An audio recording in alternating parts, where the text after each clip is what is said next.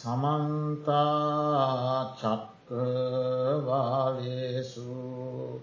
අත්‍රාගච්චන්තු දේවතා සද්ධම්මං මුනිරාජසස සුනන්තු සග්ග මොක්කදන් දම්මස් සවන කාලු අයං බදන්තා දම්මස් සවන කාලු අයං බදන්තා දම්මස් සවන කාලු අයං බදන්තා නමෝතස් භගවතු අරහතු සම්මා සම්බුද්දස්ස නමෝතස්ස භගවතු අරහතු සම්මා සම්බුද්දස්ස නමෝතස්ස භගවතු අරහතු සම්මා සම්බුද්දස්ස දවීචක්කු පන අක්කාතෝ සෙට්ටෝ පුරිස පුද්ගලෝ දම්ම ලද්දේහි බෝගේහි උට්ඨානාදි ගතන්වනං දදාති සෙට්හ සංකප්පෝ අවියග්ග මනසෝනරෝ උපේති බද්ධකන්ඨානං යත්ත ගන්ත්වා නසෝචතීති ශ්‍රද්ධාවන්ත කාර්මිකපතුනි ටෙක්සාස් බෞද්ධ භාවනා මධ්‍යස්ථානාධීපති පූජනීය අවලම පුන්නජී ස්වාමීන් වහන්සේගේ අනුශාසකත්වයෙන් දෙදහස් දහනමය වර්ෂයේ වස්සාන කාලය තුළ සති අන්ත සෙනසුරාදා පැවැත්වෙන ධර්මදේශනා මාලාවෙහි අටවන ධර්මදේශනාවට සවන් දෙන්න ඔබ සියලු දෙනා මේ මොහොතේ සූදානම් වෙන්න. අද ධර්මදේශනාවේ දායකත්වය දරනු ලබන්නේ අජිත් මහත්මා බිම්මිනෝනා මහත්මිය දමයන්ති නෝනා මහත්මිය පිරෝසන් මහත්මා සහ දිමුතු නෝනා මහත්මිය ඒ පවුල්වල සියලු දෙනා. අද ධර්මදේශනාව සඳහා මාතෘකා කළේ අංගුත්තරනිකායේ තිකනිපාතයේ පුද්ගල වර්ගයේ ඒක චක්කු සූත්‍ර දේශනාව. අන්ද සූත්‍රය කියලත් සමහර තැන්වල සඳහන් වෙන. බුදුදහම පිළිබඳ පර්යේෂණ කරන උගතුන් මේ සූත්‍ර දේශනාවට නිසි තැනක් ලැබිල නැහැයි කියලා යම් කිසි අදහසක් දරන. එකයන් මෙයින් ඉගැන්වෙන කරුණු අවශ්‍ය පරිදි සමාජගත වෙලා නැහැ කිය. ඒක ඇත්තද නැත්තක්ද කියලා ඔබට මේ දේශනාව අහල ඉවරුනාම නිගමනයකට එන්න පුළුව. බුදුරජාණන් වහන්සේ දේශනා කරනවා මහනිනි මේ ලෝකය තුළ ජීවත් වන මිනිසුන් කොටස් තුනකට බෙදන්න පුළුවන්. කවර කොටස් තුනක්ද. ඇස් දෙකම පේන්නේ නැති අන්ද පුද්ගල ඒ පලවෙනි කොටස. එක ඇහැක් පේන්නේ නැති එක ඇහැක් පමණක් පේන. එකක් අන්දයි එකක් පේන. එවැනි පුද්ගල කොටසකුත් මේ ලෝකයේ ඉන්නවා ඒ දෙවැනි පිරිස.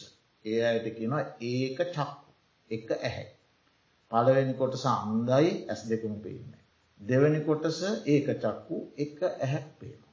තුන්වෙනි කොටස දවී චක්කු ඇස් දෙකම පේන. අන්ද ඒක චක්කු දවීචක්කු. ඊළඟට බුදුරජාණන් වහන්සේ මේ පුද්ගලයෝ එකින් එක විස්තර කරමින් ධර්මය දේශනා කර. මහනෙන අන්දයා කියල කියන්නේ කවුද. අපි අපි සාමාන්‍යයෙන් අන්දයා කියන අර්ථයනෙමේ බුදුරජාණන් වහන්සේ දී. වෙනත් අර්ථයක්. කෞදාන්දයා කියන්න. ඉදභික්කවේ ඒකච්චෝ යථරූපේන චක්කුම. අනදිගතංවා බෝගන් අධිගච්චය අධිගතංවා බෝගන් පාතිකරෙය තතාරූපම් පිස්ස චක්කු නහු. කුසලා කුසලේ දම්මේ ජානය හීනප්පනීතේ දම්මේ ජානය කන්න සුක්ක සප්පටි භාගේ දම්මේ ජානය තතාරූපම් පිස්ස චක්කු නහෝ ඔන්න අන්දය. මොකක්දේ මහනිනි යම් ආකාරයක යම් කිසි යම් බඳු නුවනකින් ඥානයකින් දැනුමකින් බුද්ධියකින් නොලැබූ බෝග සම්පත් ලබන්නට ලැබූ බෝග සම්පත් වැඩිදියුණු කරගන්නට නොලැබූ බෝග සම්පත් ලබන්නට ලැබූ බෝග සම්පත් වැඩිදියුණු කරගන්නට යම් බුද්ධියක් යම් නුවනක් ඕනෑ වෙද්ද ඒ බුද්ධිය හෝ ඒ නුවන නැති. ඔන්න එතකොට එයාගේ ඇහැ අන්දයි. මේ ලෝකයේ ජීවත්වෙන්ට මනුෂ්‍යයකුට ධන සම්පත්තෝ නෑ බෝග සම්පත්තෝ. නැත්තන් ජීවිතය පවත්වන්න අමාරු. ඒ අවශ්‍ය කරන්න වූ ධන සම්පත්තෝ බෝග සම්පත්හෝ ලබන්නට සහ වැඩි දියුණු කරගන්නට ලබන්නට සහ වැඩි දියුණු කරගන්නට. වුවමනා කරන නුවන නැත්නම් දැනුම නැත්නම් ශිල්පීය දැනුම නැත්නම් අන්නයාගේ මෙලව ඇහැ අන්දයි. මේ ජීවිතය නම් වූ ඇහැ අන්දයි. ඒ වගේම මේවා කුසල්ලය මේවා අකුසල්ලය මේවා වැරදි දේවල්ය මේවා නිවැරදි දේවල්ය මේවා පාපධර්මය මේවා පුුණ්්‍ය ධර්මය ආදී වශයෙන් දැනගන්න තේරුම්ගන්න වෙන්කරගන්න බෙදා වෙන්කොට දැනගන්න වුවමනා කරන යම් නුවනක් වේ නම් ඒ නුවනත් නැත්නම් එයාගේ ඒ ඇහැත් පේන්නේ. එතකට ඔන්න දැන් එයාගේ ඇස් දෙකම අන්දයි. ඒකන් මොන ඇස් දෙකද මෙලව ඇහැත් අන්දයි පරලෝ ඇහැත් අන්දයි. ඒ දෙපැත්තම අන්දයි. එවැනි පුද්ගලයෙක් මේ ලෝකයේ ඉන්නවා මහනිනි කියල බුදුරජාණන් වහන්සේ දේශනා කළා. එතකොට දැන් අපි බලමු මොකක්ද මේ මෙලව ජීවිතය යහපත් කර ගැනීමේ ඇස්ස කියල කියා. ව්‍යග්ගපච්ච සූත්‍රයේ උද්ජය සූත්‍රය වැනි සූත්‍ර දේශනාවල බුදුරජාණන් වහන්සේ දේශනා කරනවා මෙලව ජීවිතය සැපවත් කර ගැනීම සඳහා පුද්ගලයකුට වමනා කරන වැඩිදියුණු කරගත යුතු කරුණු හතරක් තියෙන. උත්තාන සම්පදා ආරක්ක සම්පදා කල්්‍යයාන මිත්තතා සමජීවිකත්. කතමාච ව්‍යර්ග පජ්‍ය උත්තාන සම්පද. ව්‍යර්ග පජ්‍ය උත්තාන සම්පදාව කියන්නේ කුමා. මොකක්ද මේ උත්සාහය කියල කියන්න. මෙලව ජීවිතය සැපවත් කරගන්ට වමනා කරන උත්සාහය කියන කුමා. ඉද ව්‍යර්ග පජ්‍ය කුලපුත්තස්ස ඒන කම්මට්ටේන ජීවිකන් කප්පේ. ව්‍යක්ක පජ්‍යය මේ ලෝකයෙහි කුලපුත්‍රය ගිහි ජීවිතයක් ගත කරන කෙනෙක්. යම් කර්මාන්තයකින් ජීවිතය පවත්වන්නේද. හැමෝටම ජීවිතය පවත්වන්නට කර්මාන්තයක් වූමනයි. යම් කර්මාන්තයකින් ජීවිතය පවත්වන්නේද. කුමන කර්මාන්ත. යදිකසියා යදි වනිජ්ජා යදි ගෝරක්කේන යදි ඉස්සක්තේන යදි රාජපෝරිසේන යදි සිත් පඥතරේ. ගොවිතැන වේවා වෙළදාම වේවා ගවපාලනය වේවා රාජ්‍ය සේවේ වේවා ආරක්ෂක සේවේ වේවා වෙන යම්කිසි ධාර්මික ශිල්පයක්. සිත් පඤ්ඥතරේන අන්‍ය වූ ශිල්පයක්. ජීවිතය පවත්වන්ට වුවමනා කරන ශිල්පයක්. අන්නේ ශිල්පයෙහි ඒ රැකියාවෙහි ඒ වෘතියෙහි තත්ත දක්කෝහෝ එහි දක්ෂයෙක් වෙන්ඩුව. තමා කරන වෘතිය කුමක් වේවා හි දක්ෂයෙක් වෙන්ඩුව. අනලසු කම්මැලි නොවන කෙනෙක් වෙන්ඩුව. තත්‍රෝපායාය වීමන්සාය සමන්නාට. ඒ රැකියාවෙහි ඒ වෘතියෙහි උපාය දන්නා නුවනින් යුක්ත කෙනෙක් වෙන්ඩුව. මේ මේ තැනට මේ මේ ආකාරයෙන් කටයුතු කරන්න. හරි ඒ විදිහ උපායශීලී බව තියෙනවා. මේ ආකාරයෙන් කටයුතු කළොත් මට දියුණුවෙන්න්න පුළුවන් මේක වැඩි දියුණු කර ගණඩ පුළුවන් මට උසස්වීමක් ලබන්න පුළුවන්. මට ස්වාමයාගේ විශ්වාසය දිනාගන්න පුළුවන් ස්වාමයාගේ ගෞරවේ දිනාගන්න පුළුවන් මට ආයතනය තුළ මගේ රැකියා විස්ථාවර කරගන්න පුළුවන් මට මේ ආයතනය තුළ ඉදිරියට යන්න පුළුවන්. අන්න ඒවාට අවශ්‍ය කරන උපායශීලී නුවනතිය. දක්ෂවෙන්ඩෝන අලස නොවෙන්ඩෝනේ උපාශීලී නුවන තියෙන්ටුව. ගොවිතනේදී වේවා වෙනදාමේදී වේවා රාජ්‍ය සේවේදී වේවා ගවපාලනයේදී වේවා යුද සේවේදී වේවා වෙන ඕනෑම ශිල්පයකද ඔය ටික තියෙන්ට. අලංකාතුන් අලන් සංවිධාකුන්. ඒ කාර්ය තමන්ටත් කරන්න පුළුවන් වෙන්ඩෝනේ අන් අය ලවා කරවීමේ ශක්තිය තියෙන්න්නත් ඕ. සංවිධාන ශක්තිය. අනිත් අයත් හවුල් කරගෙන සංවිධානාත්මකොය කිරීමේ හැකියාව තිය. ඒකට කියනවා උත්තාන සම්පදා. ඔන්න ඔය උත්තාන සම්පදාව ජීවිතය දියුණු කර ගැනීම සඳහා මෙලෝ වශයෙන් අවශ්‍ය කරන්නාව ප්‍රධාන සාධක. ඊළඟට ආරක්ට සම්පදා. ඒ හරිහම්බ කරන ලද ධනය රජවරුන්ගේ සොරුන්ගෙන් වෙනත් අප්‍රිය පුද්ගලයන්ගෙන් වෙනත් අප්‍රිය සතුන්ගෙන් ගින්නෙන් ජලයෙන් ස්වාභාවික විපත්වලින් විනාසත්වයට පත්වෙන්නට නොදී.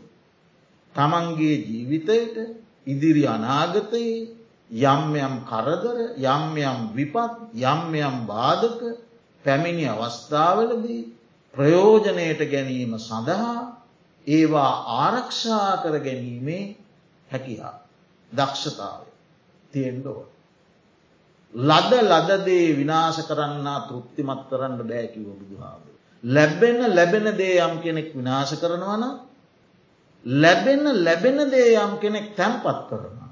ඒ දෙන්නම තෘප්තිමත් කරන්න බෑ. අවශ්‍ය දේට වියදන් කරන්නේ නෑ හම්බ කරන හම්බ කරන එකම තැන්පත් කරන. කන්නෙත් නෑ බොන්නෙත් නෑ දෙන්නෙත් නෑ තැන්පත් කරන. එයා තෘප්තිමත් කරන්නත් බෑ කවදාක. ඒ වගේම ලැබෙන ලැබෙන ලැබෙන ලැබෙන හැම්ම දෙයක් පංචකාම සම්පත්තුලින් ඉන්ද්‍රියන් පිනවන්ටම යොද රූප බලන්න සද්ද අහන්න ගඳ සුවඳ ලබන්න රස ලබන්න ස්පර්ස ලබන්න. කිසිවක් ඉතිරි කරන්න. ලැබෙන ලැබෙන දේ විනාශ කරන. ඒ මිනිහත් කවදාපත් තෘප්තිමත් කරන්න බෑ. අතුප්ති කරයි. ඒ නිසා හම්බ කරනවා වගේම රැක ගැනීමේ කලාවත් ඉගෙන ගණ්ඩ ඕව. දැම් අපි මේ අනිත්‍ය දුක්ක අනාත්ම ගැනම් කතා කරනවා මේවා කතා කරන්න නෑ.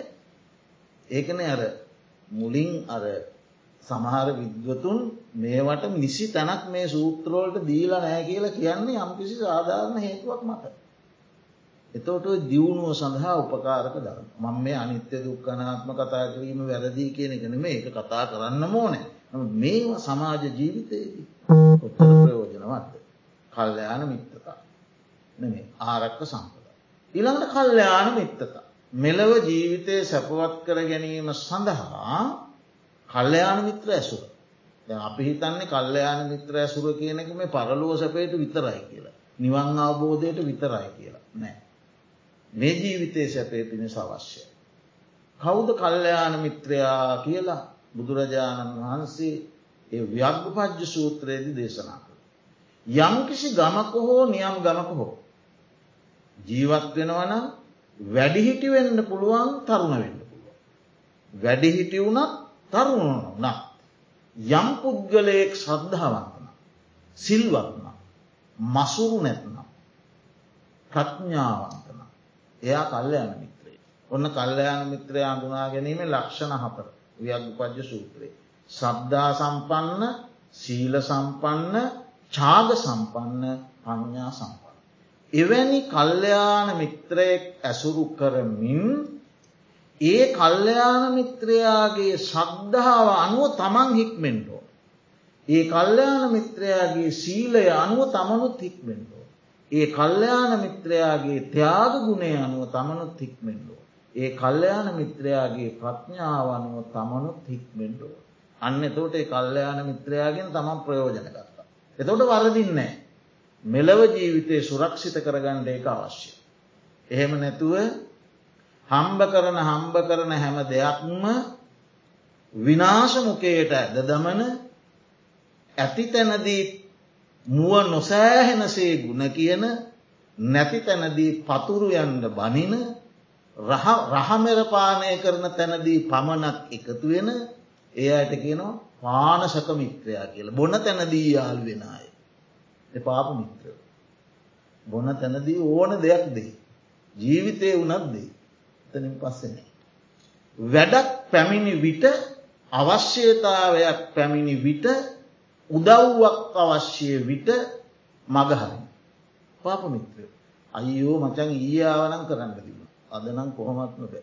ලබන සතියවත් බල කිව්වනම් ඔය ආවේ නරකම වෙලාවටන කියල ඒ මගහරනවා.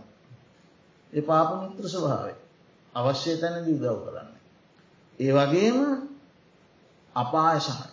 වැරදි වැඩවලට මයි එකතුය. හොඳ දේකට කිසිසේත්ම එකතු වෙන්න එකඟ වෙන්න. පාපමිත්‍ර. එවැනි අය ඇසුරු කිරීමෙන් මෙලව ජීවිතය සාර්ථක කරගන්න බෑ. ට කල්ලයන් මිත්‍ර ආශ්‍රය අවශ්‍යය. ඊළඟට සමජීවි කතා. අයංච බෝගානං විදිත්වා වයංච බෝගානං විදිත්වා සමංජීවිකක් අපේ. තමන්ට ලැබෙන ප්‍රමාණය දැනගෙන ඊට සරිලන පරිදි වියදම සකස් කරගෙන. අත්‍යවශ්‍යය ගුණය.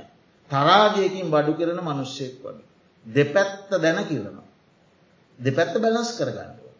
එක පැත්තක් පහත් වුණු සමහරවිට අලාබයි සමහරට පාරිභෝගිකයන්නේ අඩුවෙන් කිරනවයි කිය. වැඩියෙන් කිරුණොත් අලාබයි. අඩුවෙන් කිරියොත් පාරිභෝගිකය එන්න. ඒ නිසා ජීවිතය සමතුලනය කරගන්න ඕනෑ අයට සරිලන ලෙස වැෑ. මෙලව ජීවිතයේ සාර්ථකත්වය. ඔය මොකක්කත් දන්නේ නැත්නම්. ඔය කිසි දෙයක් දන්නේ. මෙලොව ජීවිතය සාර්ථක කරගන්නඩ බෝග සම්පත් ලබන්න දන්න ලැබූ බෝග සම්පත් වැඩි දියුණු කරගන්නඩ දන්න දියුණු කරගන්නඩ දන්න. එයා අන්දයි. එක ඇහැක් අන්ද. එමෙන් මේවා කුසල්ල මේවා අකුසල්ල මේවා පින්ය මේවා පව්ය මේවා සාධාරණ ධර්මය මේවා අසාධාරණය ධර්මය මේවා යුතුකම්ය මේවා අයුතුකම්ය මේවා කළු ධර්මය මේවා සුදු ධර්මය මේවා පාපධර්මය මේවා පුුණ්‍ය ධර්මය එහෙම දැනගන් දුවමනා කරන බුද්ධිය නෑ. හරි ඒවා දැනගන්න කොහොම එක්කෝ උපතින් බුද්ධිය තියෙන්ටෝ. උපතින් ලැබෙන බුද්ධියක් තියෙන. එහෙම නැත්නම් ආගම ධර්මය විශ්වාස කරන්න ඕන. කල්්‍යයාන මිත්‍ර ආශ්‍රය කරන්න ඕන. සද්ධර්මය ශ්‍රවණය කරන්න ඕන. එතෝට අන්න ඒ සදහන් ශ්‍රවණය කල්්‍යයාන මිත්‍රාශ්‍රය ආදී ගුණධර්මටික ජීවිතයට ලංවෙනකොට එයා ධර්මය තුළින් තේරුම් ගන්නවා මේ කුසල් මේ අකුසල් මේ පින් මේ පව් ආදී වශය. ඒ මොකක්කත් දන්න නැත්තන් එයාගේ පරලෝ ඇහැ අන්ද. ඔන්න මේ ලෝකයේ ජීවත්වෙන පලවෙනි පුද්ගලය. අන්ද. ඊළඟට දෙවන්න. ඒක චක්. එක ඇහැක් පේනවා එක ඇහැක් අන්ද. ඒකව. මහනින මේ ලෝකයේ ඉන්නවා නොලැබූ බෝග සම්පත් ලබන්න ලැබූ බෝග සම්පත් වැඩි දියුණු කරගන්ට වුවමනා කරන යම් බඳු ඇසක් වේනම්. ඒක තියෙනවා. මෙලව ජීවිතය සාර්ථක කරගන්න වුවමනා කරන ඇහැ තියෙනවා. එයා මේ ජීවිතය සාර්ථකත්වයට ළඟා වෙනවා. ඒ ඇහැපේන. හැබැයි කුසල් අකුසල් පින් පව් හොඳ නරක යුතු අයුතුකම් සාධාරණ අසාධාරණ කළු සුදු මොනවත්තයා සලකන්න. ඒ සියල්ල නොසලකා හරිමින් එයා ලාබේම ඒකායන පරමාර්ථය කොටගෙන ජීවත් වෙන. එයාගේ එකම අරමුණ එකම ඉලක්කය ලාභය ධනය. එතට මේ හොඳ මේහ නරකයි. මෙලොවහ හොඳයි පරලොවහ ඒ විස්තර කරන්න ඒක චක්කු සූත්‍රයේ ගාථා ධර්මයකින් පැහැදිලි කරනවා ඒ පුද්ගලය. එතන තියෙන වැදගත් වචනටික. දම්මා දම්මේන සසටු කුසලෝ හෝතු සංගාතු තෙයියේන කූටකම්මේන මුසාවාදීනච උබයක් වචනට. එයා වරක ධර්මයනුත් ධනය වෙන. දැහැමි මාර්ගයනුත් වෙන. තවවරක අධාර්ම මාර්ගයමුත් වෙන. අධාර්මික මාර්ගය. ධර්ම අධර්ම දෙක මිශ්‍ර කරලත් වෙන. කෝමද ඔය තෙයියේ හොරකම. කූටකම්මේන සට්ට කපට උපක්කම. මුසාවාදයන බොරු. මමන මේ කියන්න බුදුරජාණන්. තෙයියේන කූටකම්මේන මුසාවාදයන චෝභයන්. උභයන් කියන්නේ දෙපරිදි දෙපරිදි. මේ කරුණු තුන තෙයිය කූටකම්ම මුසාවා. ගැන බොරුව සටකපට උපක්‍රම හොරකම. මේක දෙපරිදි දෙපරිදි කොට යොද්ධමින් ධනය හොයනවා. ඒ කියන්නේ හොරකමයි බොරුවයි. කපටිකමයි බොරුවයි. කපටිකමයි හොරකම. හරි හොරකම කපටිකම හොරකම බොරුව කපටිකම බොරු. ඔය විදියට මේ කරුණුතුන යුගල යුගල වශයෙන් යොදමින් ධනය හොයන. එහෙම හොයන්ට දක්ෂෙක්. එතනදී බුදුරජාණන් වහන්සේ දේශනා කරනවා මේ ස්වාමීන් වහන්සේලාට සාමං්්‍ය පල සූත්‍රයේදී මේ භික්‍ෂු මහා සංගරත්නයට වදින්ට තියෙන සුදුසුකම් අතර මේ ශ්‍රමණයන් වහන්සේ නමක් බවට පත්වීමෙන් ලැබෙන පලයක් ආනිශංශයක් ප්‍රතිඵලයක් මොකක්ද. මේ ලෝකයේ ඉන්නවා හොරට කිරණ මිනිස්සු.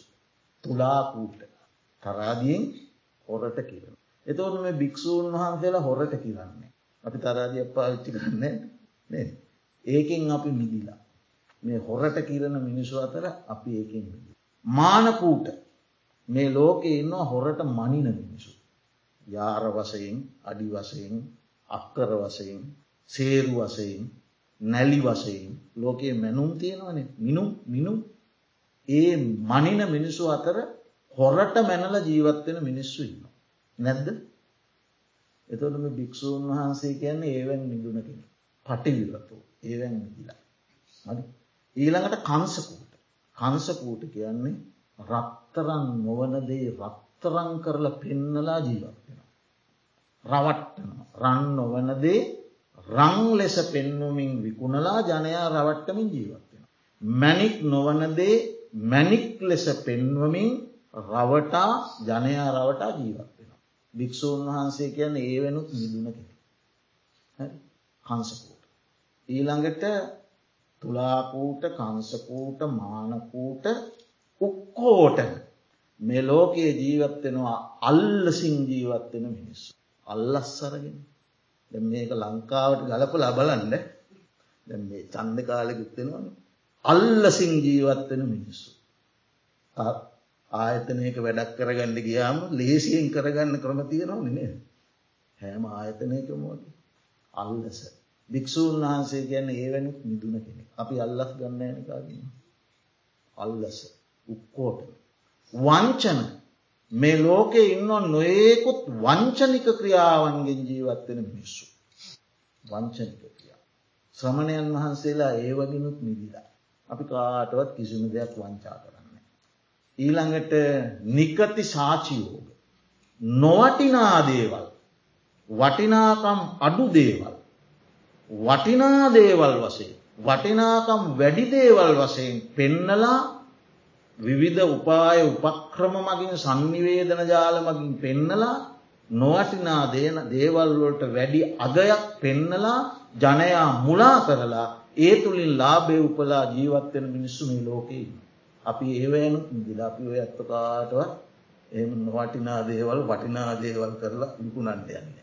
ඒවයනුත් නිදල පටවිලකෝ.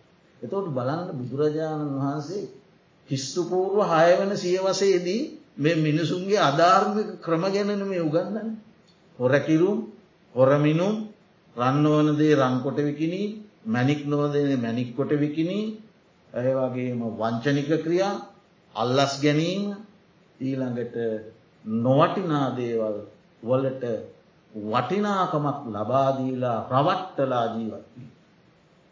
ධර්මද්වීපය ගැන කල්පනා කළ බලන්න. ධර්මද්වීපය දැන් චන්ද කාලෙකුත් එනවා. මේ වගින් වැහි වැහැලා නැද්ද. මොකද කියන්න. අන්න ඒ කියන ලද ආකාරයෙන් ජීවිතය පවත්වන්නේ නම් එයාගේ තියෙන්නේ මොනැහැද්ද එකම එක හැත්තිය. ඒ විදියට හම්බ කරන්න දක්ෂ. ඒ ඇස හොඳ හැබැ අනිත් ඇහැ වැහිලා. ඒක චක් එකස් ඇත්ති. එතකොට ඒ ආර්ථිකය ධනය බලය ජීවිතයේ එකම අරමුණ කොට ගත්ත එයම හරය කොට ගත්ත ඒ මිනිසා ඒ එකැස් ඇති මිනිසා අනෙක් කිසිවක් තමාගේ ජීවිතයේ සැලකිල්ලට ගන්න. කුසලය අකුසලය හොඳ නරක පින පව යුතුකම අයුක්තිය සාධාරණය අසාධාරණය ඒවා එතරම් මායිම් කරන්නේ ඒවා එතරම් ඒවා පිළිබඳ සැලකිලිමත් වෙන්නේ. හරි ලාභයම ප්‍රධාන ඉලක්කය කරගන්න. එතවට අන්නේ පුද්ගලයා එකස් ඇත්තේ. ඊළඟට බුදුරජාණන් වහන්සේ දේශනා කරනවා දවීචක්කු ඇස් දෙකම ඇති කෙනෙක් මේ ලෝකෙ ඉන්න. ඇස් දෙක. ඒ කවුද. දැන් මේ පින්වතුන්ට පැහැදිලි වෙන්න ඕන කවුද කියලා. මෙලව බෝග සම්පත් ලබා ගන්නත් දක්ෂයි ඒව දියුණු කරගන්නත් දක්ෂ. කුසල් අකුසල් හොඳ නරක හීන ප්‍රනීත සුදුකලු පිම්පව් ආදී ධර්ම දැනගන්න හඳුනාගන්න ඒවා දියුණු කරගන්නත් දක්ෂ. තෝට මෙලව හැත් හොඳයි පරලොව හැ හොඳයි. සාර්ථකයි. ගාථාවකින් දේශනා කරනවා දවී චක්කු පන අක්කාතෝ ශෙක්ටෝ පුරුෂ පුද්ගල. ඇස් දෙකක් ඇති ශ්‍රේෂ්ඨ පුරුෂ පුද්ගලයෙක්ද වදාරණ ලද්දේ එයා ශ්‍රේෂ්ඨයි. එයා උත්තමයි. එයා වටින මනුෂ්‍යය. එයාට ඇස් දෙකම තියෙන. දම්ම ලද්දේහි බෝගයෙහි උට්ඨානාදී ගතන් දන කවුදේ පුද්ගලය. දම්ම ලද්දේහි බෝගේ උට්ටාන ආදිගතන්න. එයා ධනය හම්බ කර. හම්බ කරන්නේ උට්ඨාන වීදී. ඒ උත්තාන වීරිය කියන වචනය අපි වෙනත් සූත්‍රෝලින් ගත්තොත් මෙහෙම. උත්තාන විරියාදි ගතා බාහා බල පරිචිතා සේදා වක්කිත්තා ධම්මිකා ධම්මලද්දා බෝග. නැගී සිටි වීරී අලසකම නෑ උත්සාහවන්තයි. උත්තාන වීර්යට පැමිණි එය පැමිණිලායින්න. එක තමයි ඇගේ ගමන් මග. බාහා බල පරිචිතා. එයා මේ බාහු බල යොදවලා බාහු බල මාංස පේශි ශරීර ශක්තිය එයා ඒ ජීවිත පැවැත්ම සඳහා යොදවලාතිය. සේදාවක් ඉත්තා. දාඩිය වගුරුවමින් ධනය හම්බ කර. දම්මිකා. එයා හම්බ කිරීමේදී ප්‍රමාණාත්මක සීමාවක් නෑ. මෙපමණයි හම්බ කරන්න ඕන මෙතනින් එහාට ඕන්න නෑ එහෙම සීමාවක් නෑ. හැබැයි ගුණාත්මක සීමාවක් තියෙන. ප්‍රමාණාත්මක සීමාවක් නෑ මෙපමණයි. හැබැයි ගුණාත්මක සීමාවක් තියෙන. ගුණාත්මක සීමාව තමයි දම්ම කියන සීමාව. එයා හම්බ කරන්නේ දම්ම කියන සීමාවට යටත්ව. එකන අධාර්මිකෝ නොයි. ධර්මිකෝ. ඒ තම සීමාව. දම්ම ලද්දා බෝග දැහැමින් ලද බෝගයක්. එසේ ධාර්මිකෝ ලබාගත්ත බෝග. ඒවා පසු කාලයේ විස්තර කරනකොට බොහොම පැහැදිලි විස්තරයක් තියෙනවා කායික ශ්‍රමය මානසික ශ්‍රමය බුද්ධිමය ශ්‍රමය. එකන හැමෝම මේ දාඩිය වගුරුවලා හම්බ කරන්න ඕන්නෑ සමහරු ධනය හම්බ කිරීමේදී කය වෙහෙසවන සමහරු ධනය හම්බ කිරීමේදී මනස වෙහෙසවන සමහරු ධනය හම්බ කිරීමේදී බුද්ධිය මෙහෙවන කය මනස බුද්ධිය. ඒ තුනෙන් කුමන ක්‍රමයක් අනුගමනය කළත් කමක් නෑ හැබැයි සීමාවත්තිය. මොකදද සීමාව? දම්ම ධර්මය නොබිද හම්බ කරන්න. අන්න ඒ පුද්ගලයාගේ එතකොට මේ ඇහැ හොඳයි. බොහොම පිරිසිදු ඇහැ. දවේචක්කු පනුවක්කාතෝ සෙක්තෝ පුරුෂ පුද්ගලෝ දම්ම ලද්දේහි බෝගෙහි උත්තානාදී ගතන් දන. උත්තානවීරයට පැමිණ ධාර්මිකෝ ලබාගත්ත බෝග. දැන් යාළඟ තියෙනවා. දදාතිී සෙට්ට සංකප්පෝ අන්න දැන්ගේ මනුෂ්‍යයා ඒ දැහැමියෝ ලබාගත්ත බෝගයන් සහිත මේ මනුෂ්‍යයා ශ්‍රේෂ්ඨ කල්පනා ඇති කරගන්න. ඔහු ළඟ තියෙනවද ශ්‍රේෂ්ඨ සංකල්ප. අදහස් ශ්‍රේෂ්ඨ අදහස් තියෙන. කල්පනා කිය. මොනවද ශ්‍රේෂ්ඨ කල්පනා කිය. නෙක්කම්ම සංකප්. අව්‍යාපාද සංකප්.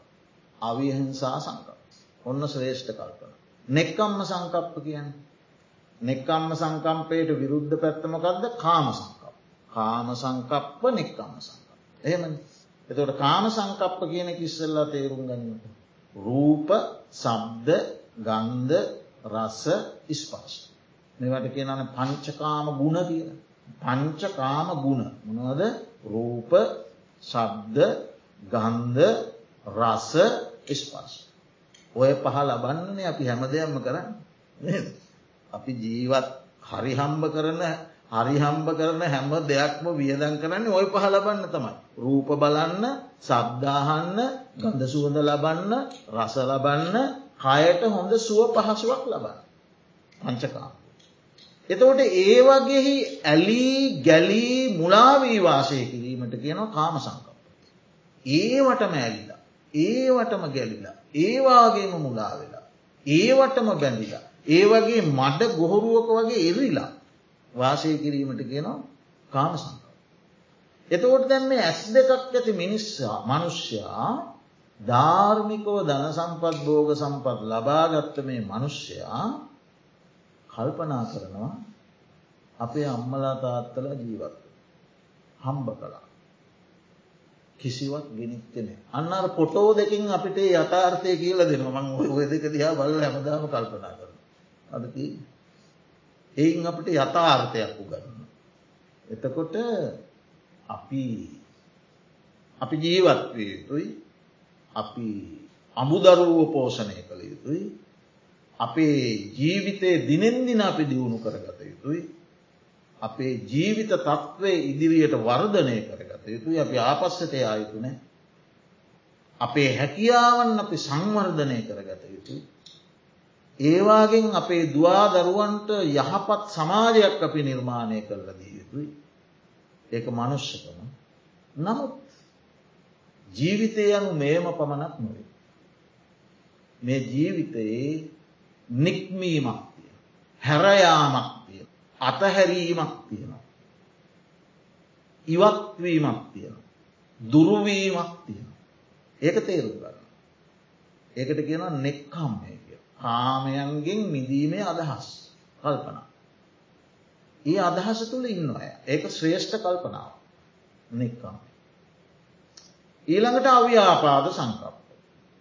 දවේශය වෛරය රෝධය පලිගැනීම එකට එක කිරීම දුෂ්ට ගති. ඒවා ඇතිවුනත් ඒවා වැඩෙන්නට නොදී ඒවා සමඟ කෙසේ හෝ ඒවා පාලනය කරගෙන මාමෙන්ම මුළු මහත් ලෝක සත්ව සමූහයාම එකසේම සැපයට කැමති. කිසිම කෙනෙක් කැමති නෑ මම කැමති නෑ කවුරුත් මාව රවට්ටනවා. මම කැමති නෑ කිසිම කෙනෙක් මාව මුලා කරනවා. මම කැමති නෑ කිසිම කෙනෙක් මට වංචා කරනවා. කැමති එමන අනිත්මිනිහ කැමතිත් නෑ. කිසිවෙක් කිසිවෙක් රවටනවට කැමතිනෑ. වංචා කරනවට කැමතිනෑ. මුලා කරනවට කැමතිනෑ. ඒ නිසා මේ ලෝකයේ ජීවත් වෙන සියලූම සත්වයෝ සැප කැමැති අයයි කියලා අවබෝධයෙන් වාසය කිරී. ඒකට ගෙන අව්‍යාපාද සංකා. එමෙන්ම මේ ලෝකයේ ජීවත් වෙන කිසිම කෙනෙක් හිංසාවට කැමතින. කුෂ්ටයක් හැදුන සතෙකුට ලංකා මෙහෙනන්න කුෂ්ටයක් හැදුන මේ සුනකයකුට ගලක් කරන ගහන්න බලන එයාට මේ අන්ඩ පණනැතුවන්නේ මේ ගල් කැටයක් කරන ගැහුවොත් එය බොහොම ඉක්මට යන්න බලන. එයා හිංසාාවට කැමතින. මේ මේ යන කුහුඹියකුට ඇගිල්ල තියෙන බලන්න. එයා ඉක්මනට පාර එයා යන මාවත මාරු කරන සැඟවුන ස්ථානයක් ඔය. එයා හිංසාාවට කැමතින.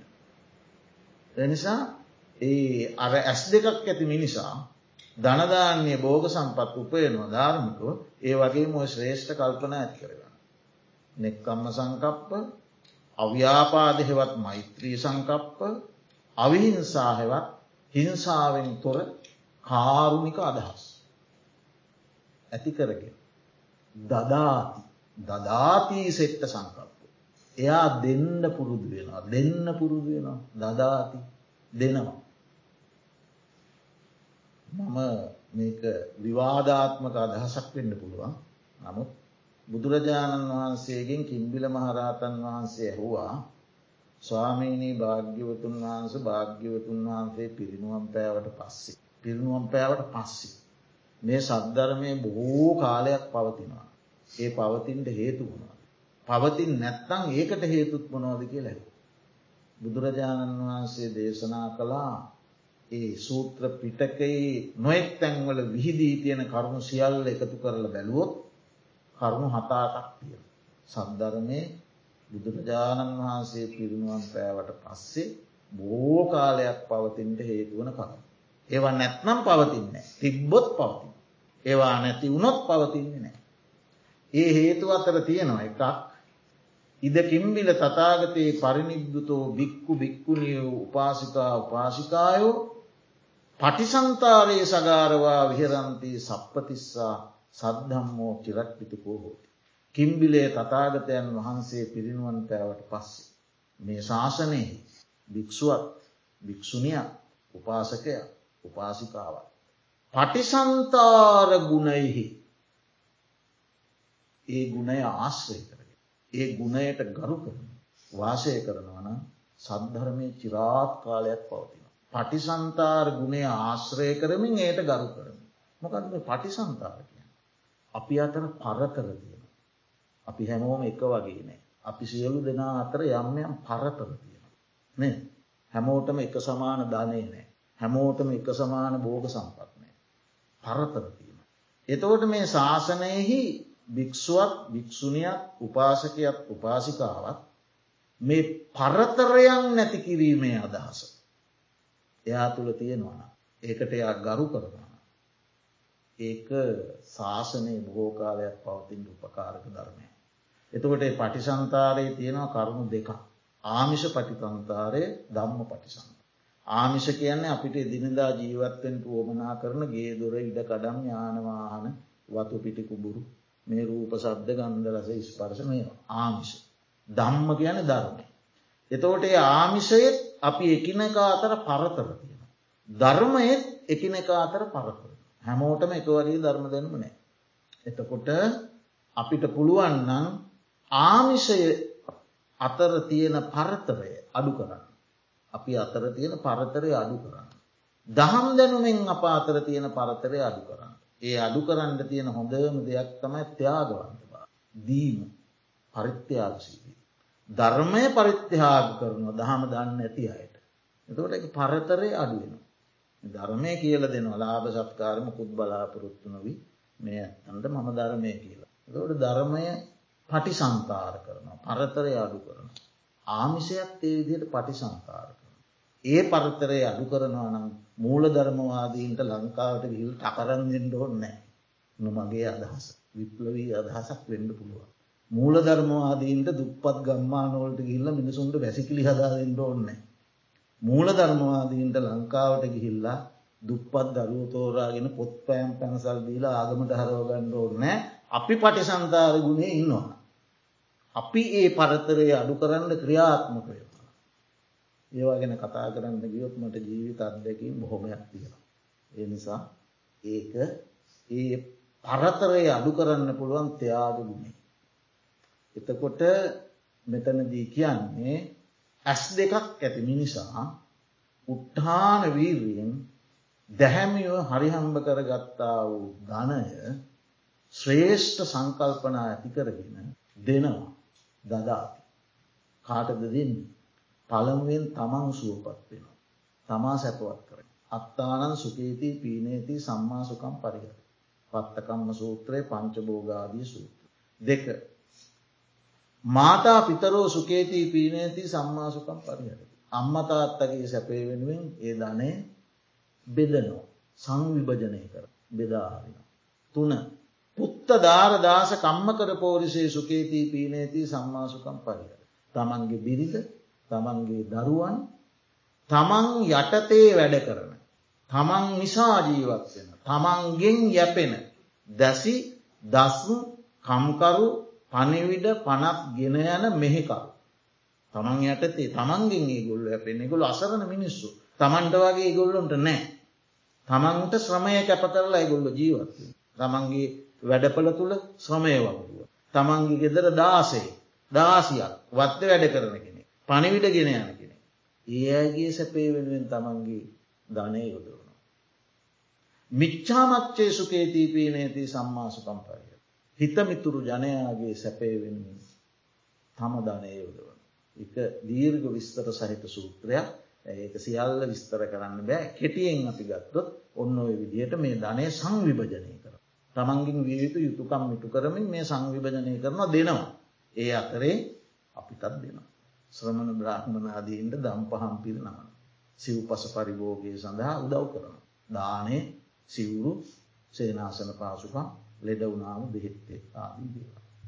දදාත් සෙට්ට සංකප. අන්නේ විදිහට ජීවත්වීම. ඒ මිනිසා දැන් ඔන්න යාගේ ඇස් දෙකයි මේ ඇත්තොඳයි මේ ඇත්ත. අවියග්ග මනසෝ නරෝ.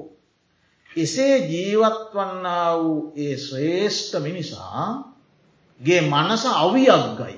අවියග්ගයි කියන සැක නැති මනස. තමා ගමන්ගන්නා වූ මාර්ගය පිළිබඳ තමන්ට සැකයක්. ස්තිර නිසක මාර්ගය. මම යන්න හරි මාග වැරද්දක් නෑ එයා දකින. තමන් මයි දකින්න මේ කවුරුත් දකින්න තමන් දකින. අවියර්ග මනසෝනාව. උපේති බද්ධ කණ්ටාන යත්ත ගන්තුවා නසෝච. අන්නේ නිසක මනසින් යුක්ත වූ මිනිසා මරණින් පස්සේ. ද මේ ජීවිතයේම සැකයක් නෑ තෘප්තිම. මරණින් පස්සේ සෝක නැති සොඳුරු තැනකට පැමිණෙනවා. සෝක නැති සොඳුරු තැන කියල කියන්නේ දිවිය ලෝක හයත් මනුෂ්‍ය. කියන සුගති භූමයක උපති ලබන. හරි. එතකොට දැන් මේ සූත්‍රයේ මෙතනින් අවසානයි ඒ අවසාන කොටසෙන් පැහැදිලි කරන්නේ මේ ජීවිතය සදාකාලික නෑ ස්තිර නෑ හැමදා පවතින්නේ නෑ ඔය පැරණි වහරේ තියෙනවා හතරහිනා කියල දෙයක්. හතරහිනා මහපොලොව හිනහවෙනවයි කියනව මෙන්න මෙහෙම මිනිසුන්ට. එ මහපොලොවට කියන පටවිධාතුව කියන මේ පටවිධාතුව අල්ල ගන්න දැ ඉන්දියාවගේ රටවල්ල එක මනුස්සයට තියෙන අක්කර ලක්ෂ ගන.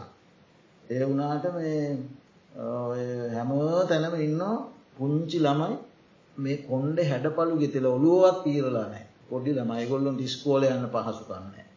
දුර්ගේස්වරී පැත්ත ඉන්න. හරියට. ඉතින් මේ වගේ හැඩපලු ගෙතලා නාණ්ඩ වතුරනෑ තාම දුක්කිත ජීවිත ගත කරන්නේ වන්දනාට යනකොට පිටි පස්සෙ දුවගෙනෙනවා හැත්තැම් පැහැතැම්ම බාගේ හමාර දුවගෙනෙනවා රොටි ඉල්ලා. එම කඩයකින් මොනවර ඇරඳුන්නාව මේ අත්වල එල්ලෙනවා. හන්න නෑ. අක්කර ලක්ෂ ගණන් තියෙන මිනිස්සුවන්න.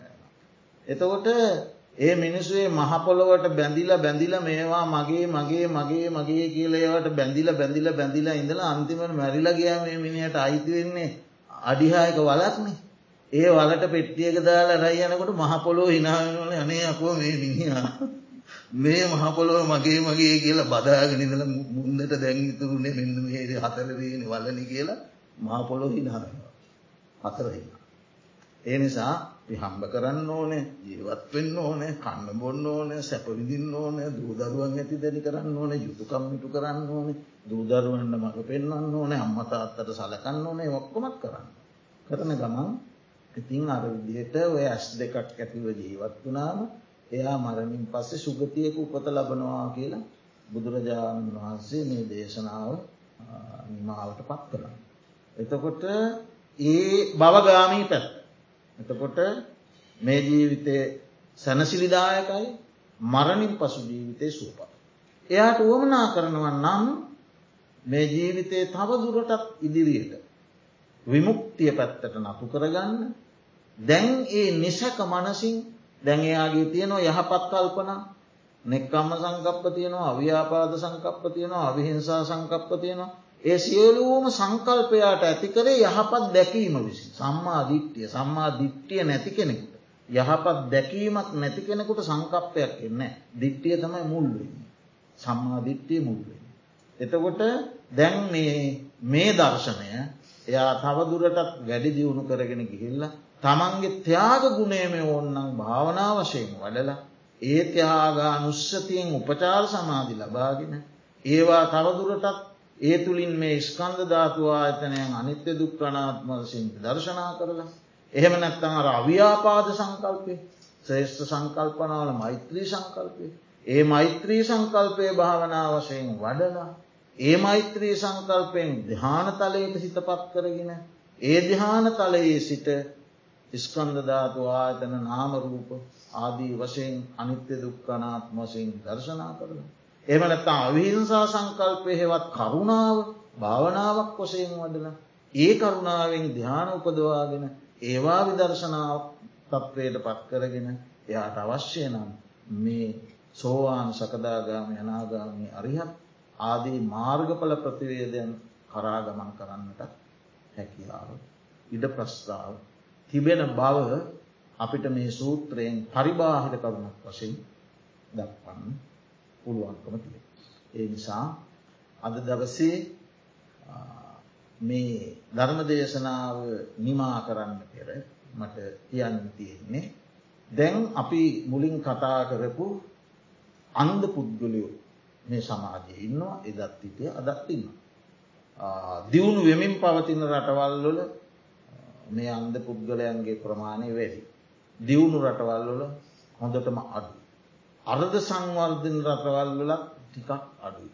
නම ඌන සංවර්ධන රටවල්වල බෝම වැඩි ජීවත්වෙන්න ක්‍රමයක් නෑ රස්සාාවක් නෑ දුප්පත්කම යවහා ගිහිල්ලා ඒම මිනිස්සුන්න හරියටි. ඉතිං මේ බුද්ධ ශාසනයේ කාටවත් කියන්න බෑ. එවැනි දුගී දුප්පත් කෙනෙක් දැක්කම් එයා අබහුවයයි එයාට ජීවිතයේ දියුණුවක් කරායන්ට බෑ. එයා පව්කාරයෙක්. එයාට බුදු සසුනෙන් සැනසුම ලබන්ඩ බෑ ඒ විදිහට කාටවත් කියන්න බෑ. ඒකට හොඳම උදාහරණය තමයි උදාහරණ ඕන තරන්ගෙන ගෙන හැර දැක්වයකි සුනීත සෝපාක සුප්පිය සුප්පබුද්ධ පුට්ටි රාගබ්‍රාහ්මණ ඒ චරිත කතා. ඒ අතරින් අපි එක චරිත කතාවක් ගත්තොත් සුමංගල මහරහතන්න සුමංගල. බොහොම දුප්පත් පවුලක් අම්මයි තාත්තයි පුතයි. පුතා පුතා සන්තකව තිබුණේ වස්තු තුනයි. උදළු කෙටියක් තිබුණ නගුලක් තිබුණ වියගහක් එච්චර එයාට වෙන මොකක් කත්නෑ ඇඳන්න සරමය කමසේ ඔයිටික තම මුළු ජීවිතය මෙච්චරයි. ඉතිං අනුන්ගේ කුමුරක් කාලා කීයක් කරි හොයාගෙන තමයි ජීවත්තේ. ඉතින් දවසක් මේ කිරිකලයකුත්තර යනකොට පසේ නදි කොසොල් රජතුමාගේ දානයක් සැවැත් නූර ජේතවනරා. මෙය දාන පිරිසත් එක්ක මෙයක් ඒ පිරිසට එකතු වෙලා ගිය. මේ දුප්පත් අරුණ. ගිහිල්ලා අර ස්වාමීන් වහන්සේලාට දම් පහම් පිරිනමනේවටත් උදව් වෙමින් බලනකොට මෙයාට දැන් හිතෙනවා ඕ මේ උදළු කෙටියෙකුයි නගුලකුයි වියගහකුයි තියාගෙන ජීවත්වෙන්න මම විදින දුකක්. එහෙම දුකක් විඳලවත් මට මේ වගේ රසවත් ආහාරයක් ගණඩනේ මේ හාමුදුරුවන්ට රජවරුත් සලකන. බොහෝ මුොදට රසවත් ආහාර හම්බෙන. කියල මේ ආහාරය ගැන හිතලා ජීවිතයේ දුක්කිත බව ගැන හිතලා මහන වෙන්නේ. ඉතින් එක ස්වාමීන් වහන්සේ නමට මතක් මේ අන්ත දුප්පල් ළමේ අනේ ස්වාමින්නාගේ බොහොම කරුණාව උපදවාගෙන මහන කළා. භාවනා කර්මස්ථානත් කියල දුන්නා. දැන් ඉතින් අර ස්වාමීන් වහන්සේලාට හම් වෙන බුද හොඳ රසවත් භෝජනාදිය වලඳලා ටික දවසක් ඉන්නකොට දැන් අර අතීත ජීවිතය අමතකුණා. හරි දැන් ඉතින් ඔන්න මහනකම එපා. අනේ මොන කරදර ඇද මේක මීට වැඩි හොඳයි මේ කුපුරක් කොටාගෙනින් කියලා ආපව සිවුරුවරන්නේ. ඉතින්ද යනව ගෙදරයාද. යනකොට දකිනවා කුඹුරුවල මණ්ඩගාගෙන ඉතාම දුක්කිතව හාන මිනිස්සු කුඹුරු කොටන මිනිසු මේ හැම්ම තැනම මඩ අමුඩ කෙටියක් ගහගෙන දුක්විදින මිනිසු දැක්ක. දැක්කම කල්පනා කොළ මං කොහෙටද බම් මේ ආපව් යන්නේ ආයන්නෙත් මේ පරණ ජීවිතයේ නම් මේ අර මිනිසු ඉදිල දුක මට මේ හොඳට ඉන්න පුළුවන්කම තියෙද්දින මං මේ ආපහු යන්න කියලා කල්පනා කළ. අර ඔක්කොම ආයපාව. මඩ සහිත ජීවිතය අයපාව. එපාවෙලා ගිහිල්ල ගහක් මුලවාඩි. විදර්ශනා ඥානමතුව. ඉතින් දැන් හිත සමාධිමත්ව. ඒ ආදීනෝම මෙනෙහි කරලා හිත සමාධිමත්. ඉට පසේ තමන්ටම තමන් අවවාද කරගත්. අන්න අවවාද කරගත්ත ගාතහාව. ගොද්ද තේරගාතා පාලි සුමංගල තේරගාතා ඔන්න මොකක්ද දැන් තමන්ට කරගන්න අවවාදේ. සුමංගල තේරගාතා. සුමුත්තිකෝ සුමුත්තිකෝ සාහු සුමුත්තිකෝම්හි තීහි කුද්ජකෙහි අසිතාසුමයා නංගලාසුමයා කුද්දාලාසුමයා යදිපි ඉදමේව ඉදමේව අතවාපි අලමේව අලමේව. දාය සුමංගල දාය සුමංගල. අපමත්තුෝ විහර සුමංගලාති තමන්ට අවවාද කරගන්න. කොහොමද? මැනවින් මිදුනෙමි මැනවින් මිදුනෙමි තුන්කුදයින් මම මැනවින් මිදුනෙමි කුද තුනකින් මිදුනන්න. එයාම කිය නොදැම්මන් කුද තුනකින් මිදිලයි. මොනවද කුද තුන. දෑකැත්තෙන් මිදුනෙමි මම නගුලෙන්ද මිදුනෙමි මම උදැල්ලෙන්ද මිදුනෙමී මම දැන් ඒවම මිදිලයින්න මට ඒව ඔන්න ඇද ආය එපාකින් මන්ද මේ අන්ඩාවය ඒව ගණ්ඩ දැම්මට එපාමන් ඒව මිදිලයින්න දැන් තමන්ට අවවාද කරන. ඒවා මෙතන වුවද කම් නැත. එතන වුවද කම් නැත. මෙතන වුවද කම් නැත. එතන වුවද කම් නැත. සුමංගලයනි. ධ්‍යාන වඩව සුමංගලයනි. ධ්‍යාන වඩව මේ බුදු සසුනෙහි අප්‍රමාධ්‍යව වාසය කරව සුමංගලයනි කියල තමන්ටම අවවාද කරගෙන අප්‍රමාදීව වාසය කරලා ධ්‍යාන වඩව කියලා ඒ ගසමුලදීම ධ්‍යාන උපදවාගෙන අරියත්වයට පත්. කවුද නගුලකුයි උදැල්ලකුයි වියගහකුයි පමණක් දෑකැත් දෑකැත්තකුත් පමණක් අතේ ඇතිව සිටපු මේ අහිංසක තරම. ඒ නිසා එවැනි අන්තාසරණ දුගී දුප්පත් කෙනෙක් තුළ වුවත් තමන්ගේ ජීවිතය ආධ්‍යාත්මික වශයෙන් ගොඩනගා ගැනීමේ ශක්තිය ගැබ්වෙලා තියෙන්න්න පුළුවන් අපිට ඒක පිටිම් බල්ල කියන්න. එහෙම කතා ඕන තරන් කතාවස්තු තේරගාතා ඒවගේම ශ්‍රී ලංකාව තුළ අතීතයේ රාතන් වහන්සේලා වැඩ හිටිය යුගවල අට්ට කතාදී අපිට දැකගන්න. එමනම් අද ධර්ම දේශනාව නිමාවට පත් කරමු. අද ධර්ම දේශනාව දායකත්වය දරු අජිත් මහත්මාට මිනිනෝනා මාත්මයට දරුවන් තුන්දනාට ඒ වගේම දමයන්ති නෝනාමාත්මයට එමෙන් හිරෝසන් මහත්මාට දිනතු නෝනාමාත්මයට දරුවන් දෙන්නයිනි දරුවන් දෙදෙනට ඇතුළු. ඒ පවුල්වල සියලූම ඥාතහිතයිශීන්ට නිදුක් නිරෝගී සූපත්භාවේ දිගාසිරි සම්පත්තින පින්කම් හේතු ආසනාවත්වා ධර්මශ්‍රවනයා කලා වූ ඔබ සියලු දෙනාටමත් මේ පින්කම් ආශීර්වාදයක්ම වෙත්වා යාපතක් සෙතක් සාන්තියක් සැනසුමක් පිණිසම හේතු ආශනාවත්වා සියලු දෙනාගේම නමින් පරලෝසක පින් ගැනීමට බලාපොරු යම්තාක් වර්ග පරම්පරාමගත ඥාතීමත්න ඒ සැම දෙනාටමත් දෙවියන් සහිත ලෝකවාසී සියලු සත්‍යන්ටත් මේ පින් අනමෝදන් කරනා අමෝදන්යත්වා ඕනගේත් ආයති භවයන් ශක්කරගෙන පාර්තනී බෝධීකින් අමාමහනිර්වාණ සුන් සැනසෙත්වා. පාර්ථනාවේ දෙවියන්ට ඥාදීන්ට පින් දෙමු.